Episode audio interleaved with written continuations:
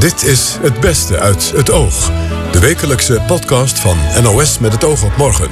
Buiten is het weer onstuimig. Binnen zit, stabiel als altijd, Mieke van der Wij. Ja, zo is het maar net. En ja, dit is de nieuwe podcast met de hoogtepunten van één week met het oog op morgen. Na jaren staan de raggende mannen weer op de planken. Een afscheidstournee, want bij frontman Bob Fosco is slokdarmkanker geconstateerd. Hij vertelt openhartig over zijn ziekte.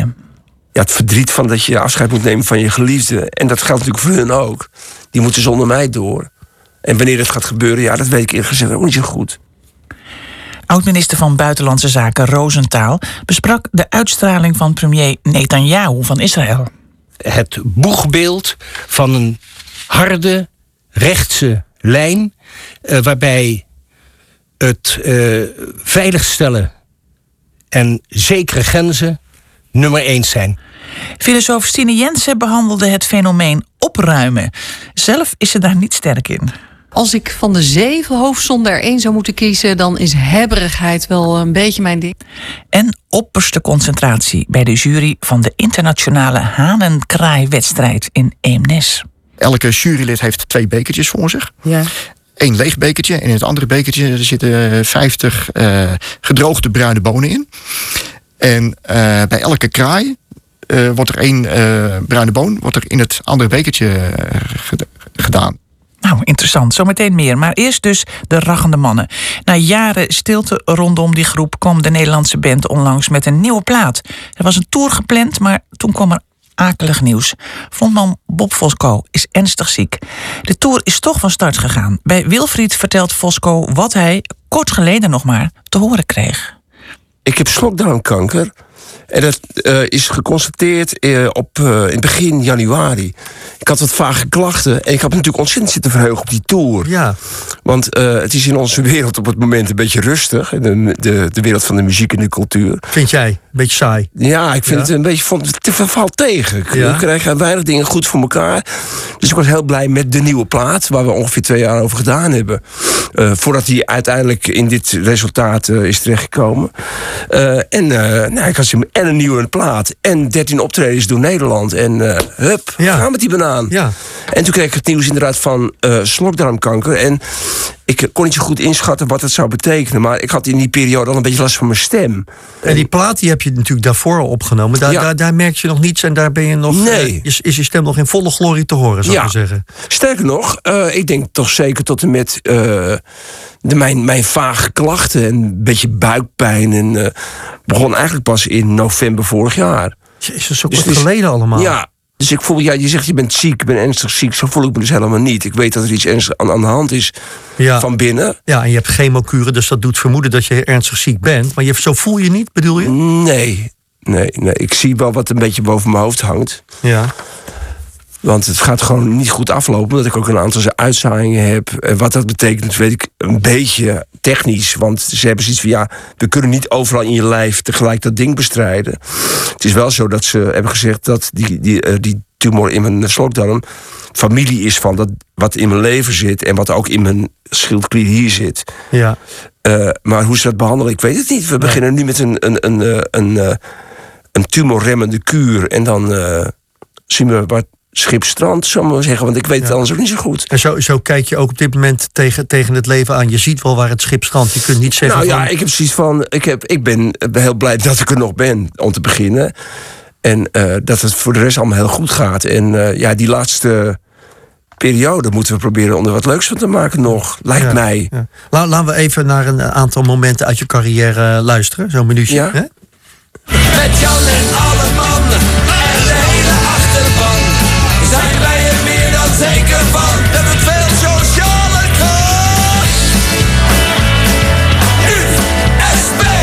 gaan meteen van start.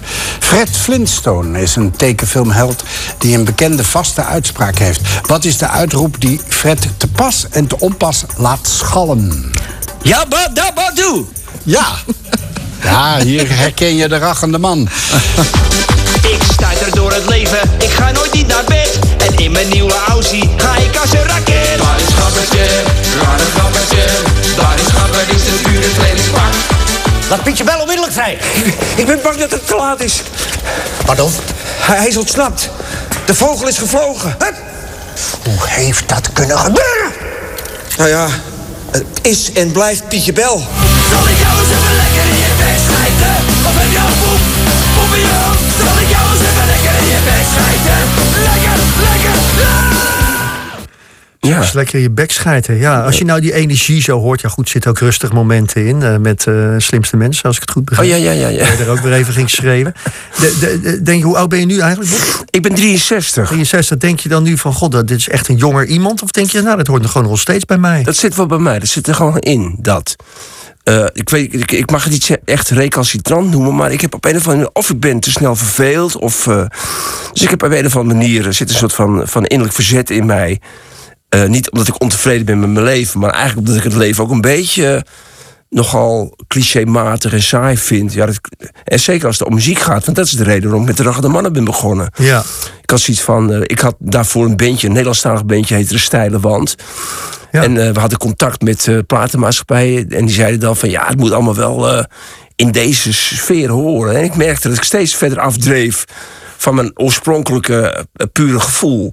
En toen heb ik heel radicaal gestopt, ben ik gestopt met die band.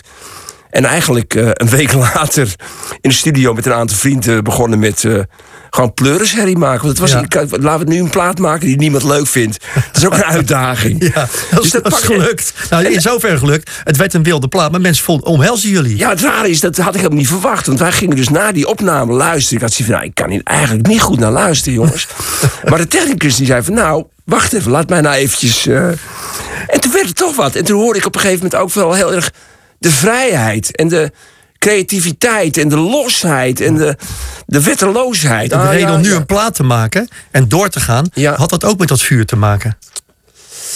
Dat dat weer opgestookt werd door jezelf of Ja, maar ik realiseerde me op een gegeven moment ook. Ik ben gestopt met de Raggende Mannen. Toen ben ik eigenlijk vrij vanzelfsprekend eh, automatisch overgestapt naar het eh, musical repertoire. Ik heb eerst de Blues Brothers gedaan, toen de Jantjes, toen de My Fair Lady. Hele leuke voorstellingen allemaal. Maar ik merkte, ik, ik stel me hier ten dienste van een productie... en dan ga ik doen wat zij van me willen. Ja, En dat is, soms is dat leuk, vooral ja. actie... Maar dat is het tegenovergestelde van onaangepast. Ja. Dat is aangepast. Ja, precies. Ja. Dus dat ging me ook een beetje tegenstaan. Dus, En nu eh, wil je eigenlijk toch nog weer een periode onaangepast gaan nou maken. ja, ik had zoiets van die... Ja, maar hoe, oh, Bob, sorry dat ik je energie neemt die af door de chemokuren? Dat merk ik nu nog niet zo heel Niet erg. echt.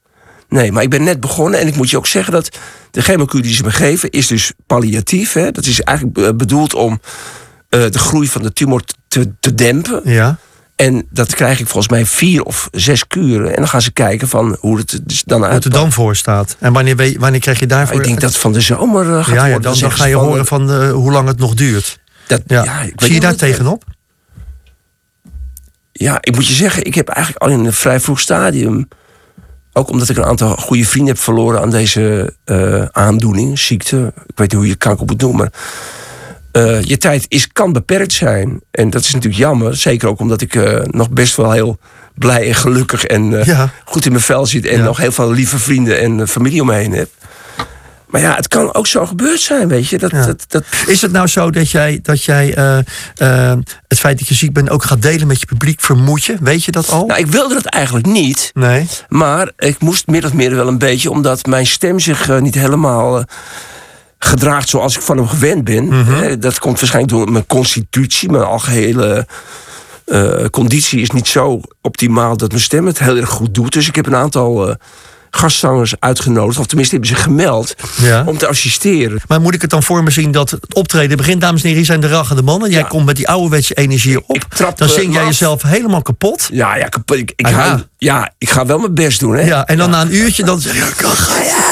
Ja, een uurtje, nou, een uurtje, dat tik ik nooit aan. Hoor. No Oh, nee? way. nee, joh. Wordt minder. Nee, het is, het is altijd zo'n half uurtje, drie kwartier. En Dan is het eh, op. En dan, ja. en dan moeten de anderen het afmaken. Ja, of ze Een tussendoor. soort, eigenlijk een soort Robin van Persie eigenlijk. Ja, is een uur weg.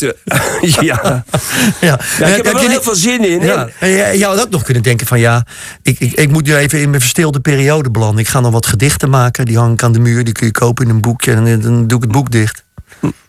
Ja, dat, ik dat heb ik helemaal niet, joh. Nee. Nee, echt Nee. niet. Ik heb al zoveel gedaan ook, weet je. Ja. Dat is ook wel heel fijn dat, hè, ja, waar mensen zeggen van... ik ga nu eens even lekker genieten van mijn oude dag.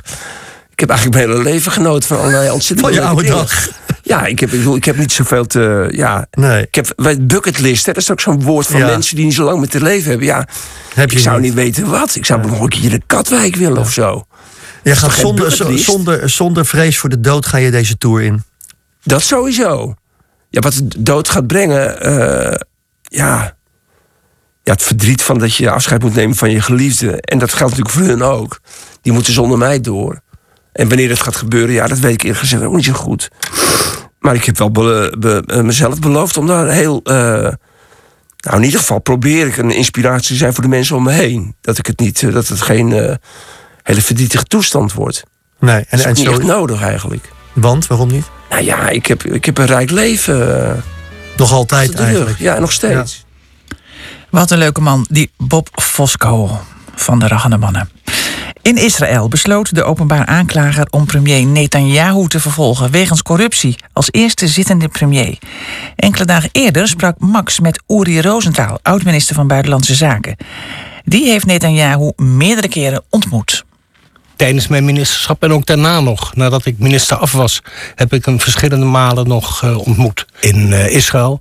Een belangrijke meeting die ik ook heb gehad was eh, toen wij onder het codewoord blauw-groen bezig waren om te proberen toch eh Netanyahu en Abbas aan één tafel te krijgen. De, de Palestijnse En- president. Precies, en de Palestijnse president. En ik herinner me toen nog heel goed een inderdaad heel belangrijke meeting die ik met hem heb gehad tijdens de Algemene Vergadering van de Verenigde Naties in september 2012. Waar het echt op het randje zat van komen we er inderdaad een stap verder mee. Maar dat is uiteindelijk Dat is uiteindelijk niet gelukt. En eh, om, om daar even precies over te zijn. Het was wel zo dat wij zo ver waren dat wij eh, van beide kanten ehm, inderdaad te horen kregen dat ze de serieuze bedoeling hadden. om inderdaad zonder voorwaarden vooraf met elkaar aan tafel te gaan zitten. Ergens in de wereld. Maar dat is toen toch weer terug onderhandeld aan beide kanten. Er was destijds eh, kritiek vanuit de Kamer op uw eh, beleid als minister van Buitenlandse Zaken. Alexander Pechtold van D66. Frans Timmermans van de PvdA, die u zelf een keer eh, voor lakij van Netanyahu heeft uitgemaakt. Dat vond u vast niet leuk. Dat vond ik niet leuk en dat vond ik ook niet terecht. Want eh, tijdens mijn ministerschap eh, was het zo dat ik voortdurend werkte onder het simpele idee. in de richting van Netanyahu. Benjamin Netanyahu, eh, help mij zodat ik inderdaad jou kan helpen. En wat betekende dat? Dat hij mij wat moest geven om inderdaad ook toegang te hebben tot de andere kant. En wat moest hij geven? Abbas. Bijvoorbeeld ervoor zorgen dat de grens met Gaza iets poreuzer zouden zijn dan ze waren. Waar het betreft het eh, toesturen van eh, goederen enzovoort enzovoort. En waar ik dus toe in staat ben geweest in die periode was bijvoorbeeld om zogeheten scanners aan de grens neer te zetten. Waardoor de eh, aanvoer van goederen vanuit Jordanië in de richting van Israël veel gemakkelijker zou zijn. Het opvallende was dat mijn Europese collega's daarvan opkeken. Van hoe heb jij dat voor elkaar gekregen? Kortom, juist doordat ik met Israël goed door één deur kon, was er ook aan de andere kant, in Ramallah, bij Palestijnen, eh, reden genoeg om te denken van nou, die Rosenthal kan misschien wel iets ook voor ons betekenen. Wat verklaart dat eh, Netanyahu al eh, tien jaar, hij is daarvoor ook nog drie jaar eh, premier geweest trouwens, maar al tien jaar achter elkaar aan de macht is? Wat is zijn charisma in de Israëlische ogen? Voor zijn eh, steunpilaren en voor zijn achterban is hij echt het, het boegbeeld van een harde, rechtse lijn. eh, waarbij het eh, veiligstellen en zekere grenzen nummer één zijn. En wat dat betreft is er eigenlijk wel een soort van symbolisch feit het oprichten van die muur. Waardoor inderdaad. Dat is zijn werk geweest, die muur op de Westbank. Ja, waardoor inderdaad terreuraanvallen vanuit de Westbank eh, tot bijna nul zijn gereduceerd. En dat is voor een bevolking die zo eh, eh, voortdurend in angst leeft voor terroristische aanvallen, is dat een niet gering punt. Het heeft wel eens een, een, hele belaste relatie met de Europese Unie opgeleverd. Maar op dit moment ook met de democraten in Amerika... en met de grootste Joodse organisaties in Amerika... die hem kwalijk nemen dat hij een coalitie wil sluiten... met uh, ja, echt, echt extreemrechtse Joodse organisaties in Israël. Ja, in die beide punten, zowel waar het Europa als de Verenigde Staten betreft, uh, zitten er minpunten in die tien jaar dat hij aan bewind is. Uh, waar het Europa betreft heb ik hem zelf ook voortdurend voorgehouden dat het jammer was dat hij uh, steeds weer zei: I have given up on Europe. Zo van: Europa heeft voor mij niks meer te betekenen. En dan bedoelde hij vooral Brussel. Waar het uh, de Verenigde Staten betreft, is het simpelweg zo geweest dat hij zijn laatste jaren dus volledig heeft gecommitteerd aan de huidige president, Trump, en daarmee de Democraten uh, van zich heeft dreigt te vervreemden. Ja, en, en een groot deel van de APEC en de ja, maar, maar vooral ook, League, vooral ook grote waar, organisaties, waar Joodse organisaties ja, in maar. Waar, vooral ook waar het altijd zo is geweest dat in de Verenigde Staten het een zaak was voor en de Republikeinen en Democraten om achter Israël te staan, om het maar zo te zeggen is het nu zo dat onder de Democraten grote onvrede bestaat en onbehaag bestaat over de koers van, van uh, Netanyahu. En uh, dat te, is dus te veel Trump. Te veel Trump. Is het tijd voor een wisseling van de wacht? Uh, generaal, oud-generaal Gans heeft zich dus nu aangemeld en oud-minister van Financiën Lapid. Zou het goed zijn voor Israël, een, een nieuw regime? Ik denk dat het goed zou zijn. Wat dat betreft. Uh, het gaat bij Netanyahu gaat het erom dat hij steeds een steeds fellere achterban heeft. En op het moment dat die fellere achterban inderdaad steeds die meerderheid vasthoudt, is dat een soort van escalerend effect dat voor de samenleving in Israël uh, in alle opzichten niet goed is. Hij had een reden om uh, vervroegde verkiezingen uit te schrijven. Althans, zeggen zijn tegenstanders. Uh, namelijk uh, het gevaar de bak in te draaien wegens corruptie. En dat probeert hij dan ja, tegen te houden door, de, door premier te blijven, te willen blijven. het is in Israël eerder gebeurd, met oud-premier Olmert bijvoorbeeld. kan het zo zijn dat hij vanwege corruptie in de bak eindigt, Netanyahu? Dat zou kunnen. Uh, uh, en dan gaat het vooral om een, een situatie waarbij hij uh, oneigenlijke beïnvloeding heeft gepleegd in de richting van een aantal media. Um, natuurlijk, op het moment dat, dat hij de bak in zou, zou gaan, is het afge, zou het afgelopen zijn met zijn politieke loopbaan. Waar het nu om gaat is uh, de kwestie of hij, wanneer hij in staat van beschuldiging zou worden gesteld, of hij dan nog zou kunnen aanblijven als premier. En ook uh, wat dat betreft de campagne nog zou kunnen voeren. Maar daar zie je dus hoe hard die sfeer in Israël op dit ogenblik is. Want op het moment dat hij in een staat van beschuldiging zou worden gesteld, zou dat voor zijn achterban alleen maar betekenen een mededeling van zie je wel, hij wordt uh, te gazen genomen op een onterechte manier. Maar wat u zelf betreft, als u hem weer eens persoonlijk tegenkomt, zou uw tip zijn: hou ermee op, je tijd is voorbij. Ik zou het goed vinden dat hij op een bepaald moment dan toch nu zou zeggen van het is wel. Uh, gedaan, tien jaar lang. En uh, op dat punt gewoon een wisseling van de wacht. Geen, dat wordt niet een wisseling van de wacht met ineens links aan de macht. Helemaal niet. Maar nee, het zou een oud-generaal, stop militaire. Generaal en, en de andere, die dus die blauw-witte coalitie uitmaakt, die Lapid, is ook aan de rechterkant. Dus daar geen misverstand over. Maar het zou toch een andere sfeer kunnen opleveren in, in Israël. En dat, dat is wel, daar is het wel tijd voor. Opruimen in huis is een hype aan het worden. Het aantal opruimcoaches in Nederland is de afgelopen jaren vervijfvoudigd. Er was een opruimchallenge in de Volkskrant en een levensstijl die je minimalistisch zou kunnen noemen lijkt op te rukken. Om dit verschijnsel te analyseren sprak Max met filosoof Stine Jensen. Goedenavond Stine. Goedenavond. Allereerst straks wil ik wel onthullen hoe het er bij mij thuis uitziet, maar uh, hoe opgeruimd is uw huis? Ja, ik moet er wel een beetje mijn uh, best voor doen. Ik geef eerlijk toe dat uh, als ik van de zeven hoofdzonden er één zou moeten kiezen, dan is hebberigheid wel een beetje mijn ding. Ik, ik hou bijvoorbeeld ontzettend van boeken. Ik ben niet van de e-reader. Dus ik heb ontzettend veel boeken. En uh, ik, ik denk dat het bij mij komt omdat ik de helft ben van een eigen tweeling. Dus dat ik van jongs af aan al een beetje heb gestreden om objecten. Dit is van mij. En ik wil het ook echt hebben. En dan schrijf ik mijn naam erop. Dus ik, ik heb wel een dingetje, en dingetje dan met opruimen. Want dan verzamel je dus ook veel, uh, veel spullen. En die moeten wel een plekje krijgen. En dan kan het ook wel uh, rommelig worden. En ik ben ook wel een beetje sentimenteel. Dus ik heb ook wel van die dingen waar ja, dat, dan dit herinnert me aan dat, dat aan dat. Dus Oh, dat ja. kan zich bij mij wel een beetje... En, hoe, ja, en, en bij jou? Hoe, hoe is het bij jou thuis? Ja, hopeloos. Nog nooit een boek weggegooid. geen cd, geen LP. Al die plastic mapjes met knipsels van vroeger. Nee, nee, hopeloos. Ah, knipselmappen, ja. ja. Ja, ik ben een eh, aantal jaar geleden verhuisd en toen dacht ik ook, wat moet ik met mijn proefschriftarchief? Ik heb een proefschrift geschreven en dan heb je Mhm. mappen vol met aantekeningen. Bewaren of niet? En wat moet je er eigenlijk En wat mee? werd het? Ja, ik heb het uiteindelijk weggedaan. Ik ben toch eh overstag gegaan. Voor, ik moest ook wel. Ik ging verhuizen. Een kind erbij, dat geeft nog meer spullen. Dan moet je echt, echt gaan nadenken over spullen. Ik denk dat dat voor veel eh, gezinnen wel geldt. Eh, dat, dat met kinderen erbij, dat je ineens realiseert hoeveel spullen je eigenlijk hebt. Oh, nee, wij kregen er alleen maar Barbie-poppen bij toen. Maar... En die zijn ook niet te duur Nee, nee, ook nooit weg. Het- Heeft u zelf wel eens overwogen een opruimcoach in de arm te nemen? Want dat schijnen veel Nederlanders te doen.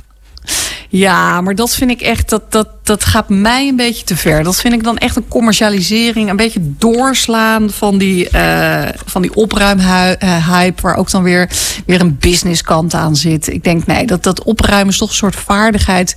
Eh, dat, dat, dat moet je jezelf een beetje kunnen bijbrengen, zou je in ieder geval zeggen. Voor luisteraars die geen idee hebben waar we het nu over hebben... even een fragment van Editie NL... waarin een opruimcoach tips geeft. Dan ga je selecteren, word ik er blij van. Alles waar je niet blij van wordt, dat gaat weg. En dan ga je pas organiseren. En daarom zeg je ook bij het weggooien dankjewel. En dat klinkt echt super raar. Maar eh laatst eh, hoorde ik mijn man, eh, terwijl hij iets in de prullenbak eh, gooide, zeggen dankjewel. En eh, dat helpt gewoon, probeer maar.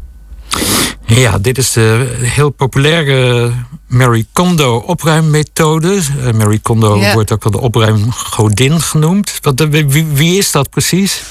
Ja, het is een eh, Japanse vrouw die dus die opruimmethode heeft bedacht. Ik bedoel, haar naam is ook een werkwoord eh, geworden. Nou, dan heb je het natuurlijk wel gemaakt. Het condoen, het, het opruimen van je huis. En dat doet ze heel systematisch.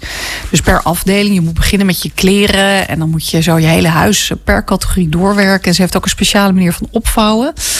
Eh, ik, ik denk wel dat we op, op dit moment ook wel alles uit Japan ontzettend leuk vinden. Hè. Er zijn in boekhandels tegenwoordig, je loopt een boekhandel binnen, heb je de afdeling Zelfhulp. En dan kun je van bosbaden tot ikigai. En daar zit dus ook dit opruimen bij. Maar, maar het is wel een beetje door haar dat dit eh, zo gestart is. En je ziet nu wel dat het wereldwijd wordt opgepikt. Je hebt in Zweden heb je een hype van het eh, opruimen. Daar gaat het eigenlijk over het opruimen van je hele leven. Dat noemen ze deustatung. Dan moet je ervoor zorgen dat je nabestaanden geen enkele last hebt van al jouw spullen. Dus dat is al een hype daar. Dus die springen slim in op de markt. En je hebt in Amerika ook twee jongens, de minimalisten. En die hebben zich eigenlijk van al hun spullen ontdaan. Die zijn dan helemaal onthecht, willen het leven. Ook, ook wel met een soort idealistisch doel hoor. Dat ze vinden dat we te veel consumeren, te veel spullen verzamelen. Ik, ik vind die minimalisten zijn wel echt doorgeslagen. Ze hebben een programma ook op, op Netflix. En, en bij de jongens, ja, die hebben dan één broek, één stoel. Één, ik, kijk, als ik dat zie, denk ik echt... wanneer komt een vrouw van, eh, die net naar de huishoudsbeurs is geweest... het daar een beetje gezellig maken? Dat is, bij die jongens is dat niet, eh, niet meer echt gezellig in huis. Die hebben echt alle sfeer ook weggehaald. Maar ze hebben natuurlijk wel een belangrijk punt... als het gaat om consumentisme... en als het gaat om het verzamelen van spullen. Maar Nederlanders zijn daar toch veel te nuchter voor? Ja, maar ik denk Nederlanders zijn ook natuurlijk ehm, bewaarzuchtig. Dat denk ik wel. Die denken wel eh, na over. Eh, van goh, moet je zomaar iets weg? Goh, komt dit niet ooit van pas? Ik bedoel, eh, er zijn natuurlijk ook generaties die hebben een oorlog meegemaakt. Je gaat niet zomaar iets weggooien. Dat is ook wel een terechte kritiek op Marie Kondo. Dat, dat, dat ze eigenlijk selecteert op kan het weg en kunnen we het weggooien? Nou, hoezo weggooien? We leven in een tijd van recycling. Kun je het doorgeven? Dat zou dan eh, eigenlijk de betere vraag zijn. Zijn er al tegenbewegingen, vraag ik hoopvol, van, eh, van mensen die juist zeggen van fijn rommel om je heen? Ja, nee, gelukkig wel, gelukkig wel. Eh, die zijn er natuurlijk altijd. Eh, iemand roept, je moet opruimen. Er is altijd meteen eh, iemand die opstaat en zegt, hoezo? Je hebt Katie Royfie, die kwam met de lof van het rommelige leven. Die wil de chaos vieren. Die zegt, ja, het leven is per definitie bestaat uit een zekere mate van rommeligheid. We hebben allemaal rafelrandjes. We hebben, ons leven is, is niet... je kunt het willen opruimen, maar dat, dat is jouw juist een teken van hoe, hoe onopgeruimd we in feite zijn. Eh, in haar boek gaat het heel erg over dat zij wil vieren wat er ook allemaal misging in haar leven. Al haar echtscheidingen, alle propjes papier die overal liggen, die allemaal tekenen zijn. Dat, daar gaat het leven juist over, zegt zij. En ik vind het wel heel, dat vind ik wel, ik vind het mooi en waardevol. Ik denk dat ze ook gelijk heeft. Uh, en, en eh, ze tilt het op een wat hoger niveau. Want het is wel zo, als je bij Marie Kondo naar serie kijkt, dan zie je wel dat dat, dat, dat dat is wel een existentiële kwestie. En het gaat al heel gauw, gaat het in feite in haar serie over relaties. Het gaat over echte lieden die het niet eens worden over, over, over waar spullen moeten staan, hoeveel ze hebben. Dus dat je eigenlijk een diepe relatiecrisis aantreft, waar er opgeruimd moet worden, gaat het niet alleen om, om spullen.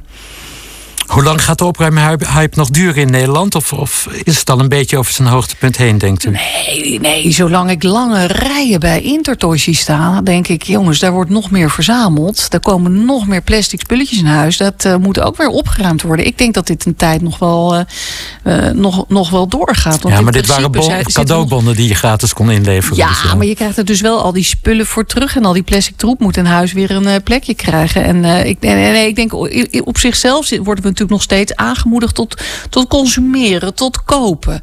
En, uh, en zolang dat zo is, eh, zitten we natuurlijk ook met een soort praktisch probleem van wat moeten we met al die spullen? En, uh, en waar berg ik ze op? En hoe lang? En wat bewaar ik? En wat neem ik mee? Ja, interessante vragen. En ons laatste onderwerp gaat over een haan. Wiens haan kan het vaakst kraaien? Om die vraag draait het allemaal bij de internationale hanenkraaiwedstrijd in Eemnes. Simone Wijmans kreeg deelnemer Ben Makker over de vloer. En die had zelfs een potentieel haantje de voorste meegenomen naar de studio. Waar is die haan? Staat hij op de grond? Daarachter. Ja, hij staat daarachter. Ja. Uh, hoe heet de haan? De haan heet Frankie. Frankie de Haan. Ik kan hem wel eventjes, hij zit nu in een uh, verzendkist en ik kan hem wel eventjes uh, pakken als je wil. Ja, dat is goed. Pak ja. hem maar even. Hoe ziet hij er eigenlijk uit? Laten we hem even... Het is een haan. Oh, je hebt hem. Het is een witte. Het is een haan. Wit met zwarte haan. Ja. Ja. Wij noemen dat een berkenkleurige. Ja. En uh, die is inderdaad vooral wit in de nek en op de schouders oh. en de rug. En verder is zwart.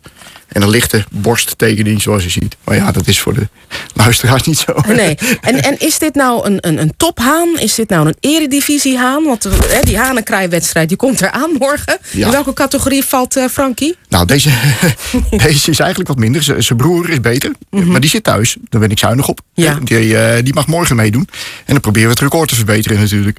Want wat houdt die hanenkrijwedstrijd in? Is het wie het mooist kraait? Die gaat er met de beker vandoor? Nee, het gaat er eigenlijk om de haan die het vaakst kraait.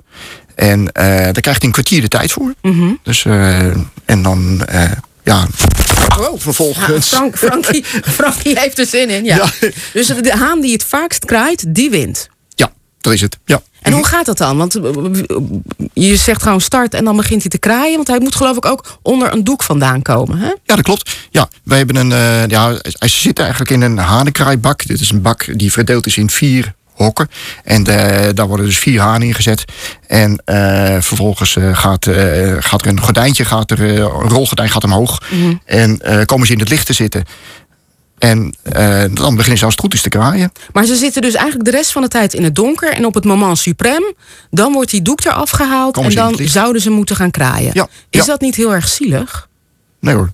Nee, s'nachts zitten ze ook in het donker. Ja. En in, uh, in de ochtend uh, wordt, het, uh, wordt het licht en dan beginnen ze te kraaien. Dat Waarom is... bent u hanenkraai-meester geworden, om het zo maar te noemen? Hoe begint zoiets? Hoe begint zoiets, ja. ja. ja dat is eigenlijk van oudsher al, heb ik al een, een, liefde gehad voor, sowieso voor dieren. Ik ben opgegroeid op een boerderij. Mm -hmm. En vanaf dat ik een jaar of zes, zeven was, vond ik kippen al mooi. Het is echt... Uh, ik ben altijd al gek geweest op kippen. En uh, ja, van die uh, kom je in aanraking met een, klein dierenfokkersvereniging. dat, is, dat is de GPV hier uit Hilversum. en daar heb ik, ja, dan rooi je erin. En dan ga je naar tentoonstellingen. En dan wil je ook tentoonstelling organiseren. Maar je wil ook eens een keer wat anders doen. En zo gaan we dus nu eigenlijk vanwege het 105-jarig bestaan van onze vereniging. Mhm. eh, gaan we iets eh, speciaals doen. En we organiseren een internationale hanenkraaiwedstrijd. Maar internationaal, dat betekent dat er vogels uit de hele wereld worden ingevlogen naar Eemnes om hun eh, hanenkraaien capaciteiten te vertonen? Of hoe, hoe moet ik dat zien? Was dat maar waar? dat zou echt mooi zijn. Ja. Nee, wij hebben. Ik heb wel reclame gemaakt in het buitenland en ook op tentoonstellingen, op de grotere eh, Nederlandse tentoonstellingen waar veel buitenlandse inzenders en veel buitenlands publiek komt. eh, heb ik, hebben we ook reclame gemaakt. Maar eh, helaas hebben we geen buitenlandse inzenders. Dus het is helemaal geen internationale hanenkraaiwedstrijd. Nou, we hebben het erop gegooid dat er internationale rassen aan meedoen. Oké. Zoals dit ras Waar wat ik komt hier Frankie vandaan? van oorsprong uit Amerika. Aha, en is dat nog een bijzonder ras dat, dat graag kraait? Of wordt hij daarop gefokt? Redelijk. Het is een eh, redelijk goede kraaier. Ja, ja, dat is wel een. Hij is eh, wel stil, ik heb hem nog niet gehoord. Nee, ja. dat komt ook een beetje omdat ik hem nu vast heb. Ja. ik kan hem wel loslaten hier. Als je... Dat lijkt me geen goed idee. Wij hebben voor de zekerheid wel een, een kraaiende haan gewoon in ons computersysteem. Zou, zou Frankie daarop reageren? Nee, hè? het is geen playbacker of wie het nadoet. Nee. Eh, je ziet hem wel een beetje kijken, maar... Frankie denkt, waar komt dit vandaan? Ja. En denkt, hé, hey, concurrentie.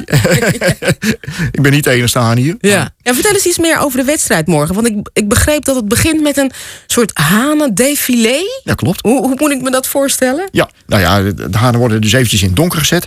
En eh, zitten daar ook lekker rustig. Eh, niet tussen het publiek. En eh, vervolgens gaan de, de eigenaren met hun haan eh, op, op de hand gaan ze richting de, de hanenkraaibak. En dat noemen we een hanenkraai, of een hanen-défilé noemen we dat. Ja. En dan worden ze ingekooid, worden ze in de kooi gezet. Zitten ze nog eventjes in het donker. Dat, ja, daarna gaat dus... En dan gaat die tijd lopen. Ja. En is er dan, hoe, hoe wordt dat gemeten? Is er nog een jury? Hoe moet ik dat allemaal zien? Ja, dat klopt. Ja? We, kunnen dus, we, we- we, eh, doen het in meerdere rondes. En dan kunnen vier hanen tegelijk meedoen. En voor, voor elke eh, kooi eh, hebben we een jurylid. Een onafhankelijke jury. Oh, een onafhankelijke jury. Dus er kan niet mee gerommeld worden. En, eh, en het tellen zelf, dat gebeurt eigenlijk op een hele ouderwetse manier. We leven in het digitale tijdperk, maar wij zijn daar nog heel traditioneel in. We gaan... eh, elke jurylid heeft twee bekertjes voor zich. Ja. Eén leeg bekertje en in het andere bekertje er zitten 50 eh, gedroogde bruine bonen in. En eh, bij elke kraai wordt er één bruine boon wordt er in het andere bekertje ged- gedaan. En dan na een kwartier worden de bruine bonen geteld. Maar dat is dan wel met zo'n Belgische haan. Is dat wel aanpoten voor die juryleden? Als je 200 keer zo'n boon Ja. weg moet leggen. dat daar is ook vrij iets- ingewikkeld. Ja, daar hebben ze ook een iets ander systeem. Er, eh, Ja. Ze hebben daar een krijtstok en eh, waar, daar turven ze op. Ja. Dat, eh, daar kunnen ze wat sneller mee, eh, mee tellen. En hoe, hoe train je zo'n haan nou om vaak te kraaien? Is dat überhaupt mogelijk? Nou, dat is eigenlijk niet echt mogelijk. Nee. Ik geef ze wat extra vitamine, zodat ze wat eh, meer. eh, eh, ja, zodat ze goed in conditie zijn. En een haan go- goed in conditie krijgt vaak wat vaker. En waarom kraait een haan eigenlijk? Ja, dat, nou, dat vind ik een hele goede vraag. Ja. Ja, want dan heb ik toevallig vanmiddag gekregen, stelde mij iemand ook die vraag. En daar heb ik eigenlijk nog nooit over nagedacht. Echt niet? Nee, en ik heb, ik heb ook het antwoord niet. Nee, je weet het niet. Nee. En weten andere kenners, wordt daar niet over gesproken? Waarom doet dit beest dat eigenlijk? Ja, ik weet, ja, waarom praten wij? Waarom loeit een koe? Ja. Ik, eh, ja, ik weet het niet. En wat Ja. kunt u winnen? Stel dat uw, uw tophaantje inderdaad eh, er met de prijs van doorgaat. Nou, dan win ik een eh, set oordoppen. Want een haan die vaak rijdt, nou ja, daar kun je wel oordoppen bij gebruiken. Ja. En een doosje eieren. Eeuwige roem. en wat hadden we nog meer? En een oorkonde.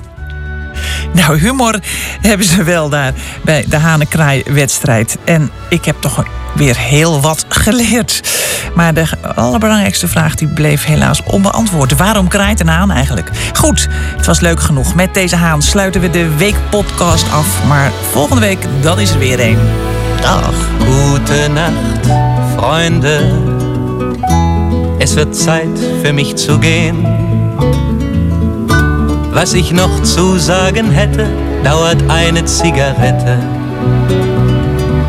und ein letztes Glas im Stehen.